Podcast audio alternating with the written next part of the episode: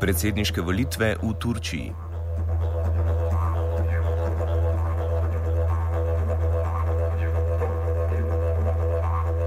V nedeljo so v Turški republiki potekale prve neposredne predsedniške volitve v zgodovini države.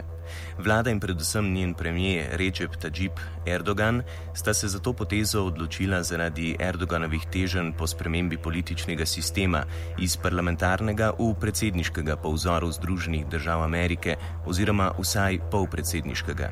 S tem bi premijer Erdogan ostal na čelu Turčije, dobil pa bi še večja pooblastila, kot jih ima sedaj kot premijer.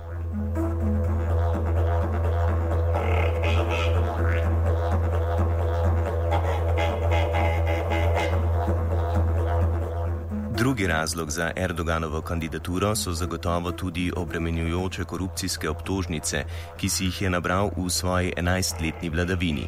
Z 51 odstotki glasov in tesno zmago v prvem krogu si je zagotovil dodatnih pet let politične imunitete.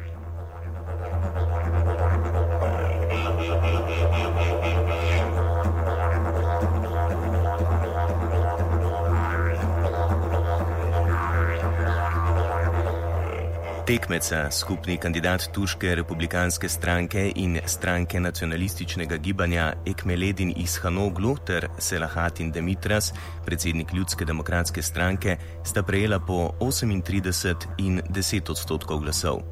Rezultate volitev in razloge, ki so pripeljali do Erdoganove izvolitve, nam turški novinar Dunar Ragib komentira z besedami, da so bili rezultati pričakovani, dodatno pa je k temu pripomogla šibkost opozicije in datum volitev sredi počitnic. Kako pa Ragib vidi prihajajoči Erdoganov predsedniški mandat? There will be five very difficult years in front of him when he will be the president. There should be, there could be very uh, probably a constitutional crisis. Be Christ because he will he want to be a unique man. He want to be he want to change the parliamentarian system in Turkey to a presidential system, French type. Uh, the constitution do not permit to this kind of change, and to change the the constitution. Uh, you need a big majority in the parliament. Erdogan do not have this big majority in the parliament. There should be also so many conflicts conflict of interest and conflicts of personality between the new president and the new prime minister. We don't know yet who will be, uh, but uh, the, the, the, new president, Erdogan, will try to serve him as a, as a secretary, and uh, I mean, nobody will accept uh, this role. There will be conflict between the government and the prime minister uh, and the governmental party. So, in the coming future, some constitutional and political problems have to be solved in Turkey.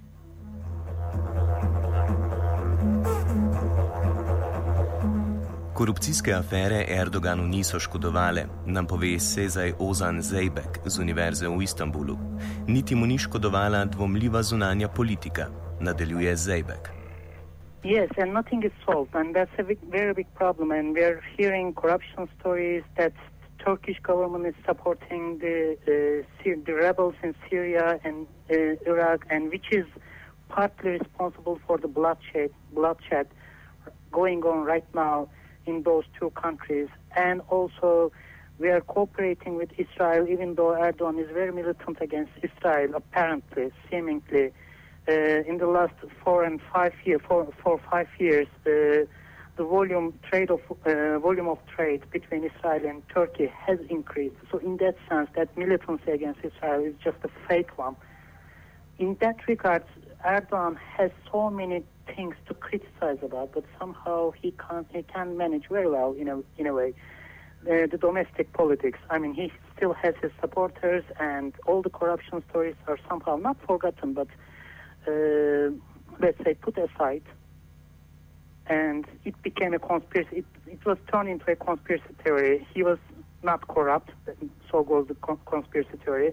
The foreign powers, including United States and Israel and etc., uh, set him set him up uh, set set him up. So, in a way, he could manage the political mainstream media and and politics and etc the old things are now this way put aside, which is a problem, of course. I mean, I don't think elections in Turkey uh, reflect all these discussions, all these corruption stories.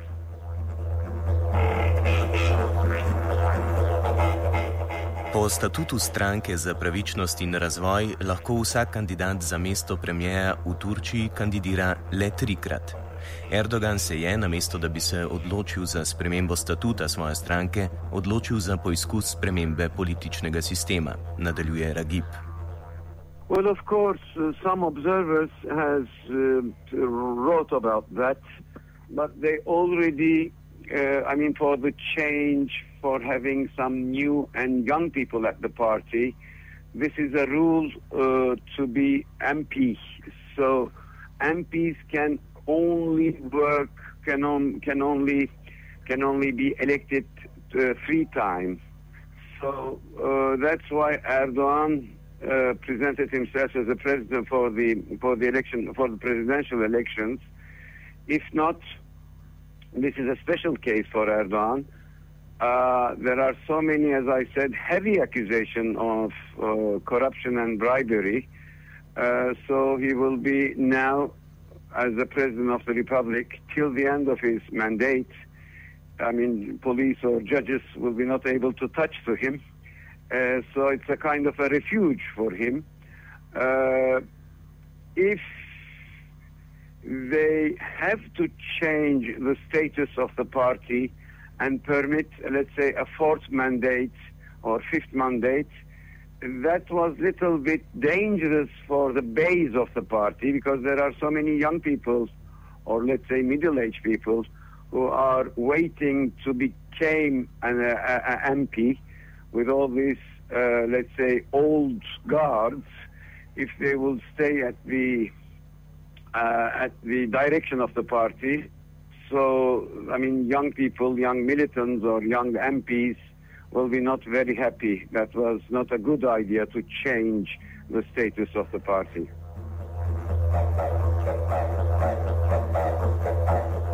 Predsedniška politična imuniteta se ne razlikuje od premjerske, nadaljuje Ragib. Yeah, legally speaking, no. I mean, he is in, I mean, political immunity. Uh, I mean, in the case of uh, President of the Republic, and prime minister, the only, as I know, the only thing which is changing is the uh, Supreme Court who have to judge him after the end of his mandate, of course. Uh, so the immunity uh, is more or less same for the prime ministers and for the president of the republic. In any case, he is not dealing with all this detail. Immunity is enough for him.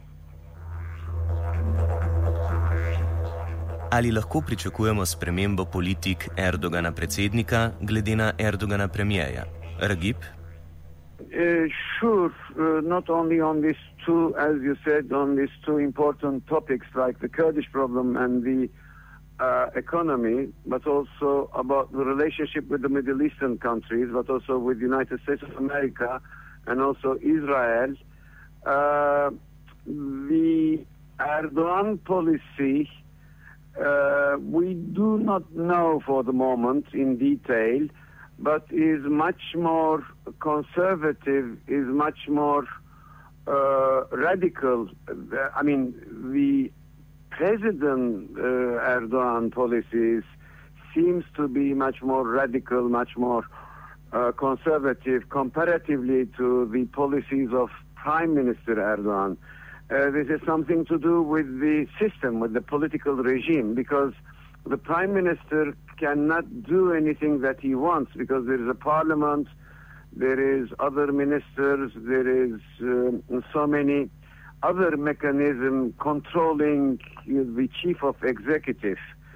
Uh, uh, the president Erdogan is now trying to be a president without any mechanism of control. So once to do what he wants.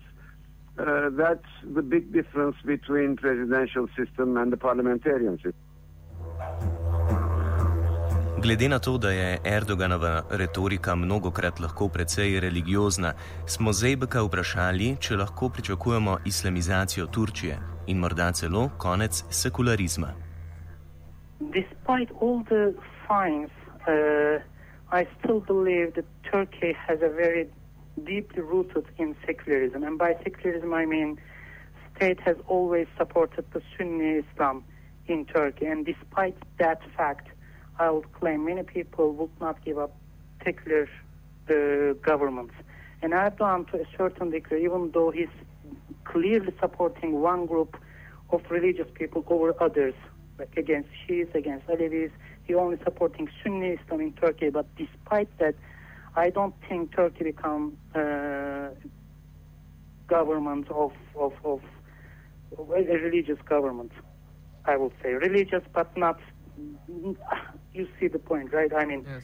I don't think that will change in, in the near future because, oh, despite the fact that Erdogan got 50% of all the votes, the rest is also half of the country. It's not just a minority who held the values of secularism and etc. And I don't think all the Muslim people who voted for Erdogan are also against secularism. Secularism is somehow deeply rooted in, in the Turkish society. Zebek nam je podal tudi svoj pogled na trenutne turške družbeno-politične probleme, od katerih je posebej izpostavil, da Erdogan nima odgovora na ekološke probleme, s katerimi se sooča Turčija. I think Turkey is just is about to face some big crisis in terms of economy because the debt of Turkey is increasing enormously. It's not the state's debt, but it's also private banks and companies and individual debt has increased almost to tenfold in the last uh, 15 years. So I don't know how to run this economy. It's very difficult. It seems very nice right now because all the voters are not necessarily aware of this fact. I mean, they're doing okay. They can, they have, I don't know, multiple credit cards, and they can still buy cars and etc. But I'm not sure if that economy can run smoothly in the near future. I'm talking about one or two years, uh, one two year uh, future. So it's not really long term uh, change. That is one source of possible crisis, and the second one, as I said, water. I mean, water sources of Turkey significant, significantly plummeting at the time being, and that's that's partly because of uh, climate change, and secondly, it's because false techniques of doing agriculture and big cities and etc. and pollution, also all that stuff. So these two crises could be very fundamental in changing Turkey in an again fundamental way. Uh, hope it will be a good turn, but I expect something. Uh, bleak. Like I have a dark picture in my mind. Those two crises could change the government. The things that we are talking about could be very, uh, how to say, uh, maybe we are missing the point. That's what I'm saying. All these governmental talks and secularism and etc. Facing to a, with, with the uh, climate problem, it could change all the agenda of Turkey in the very near future.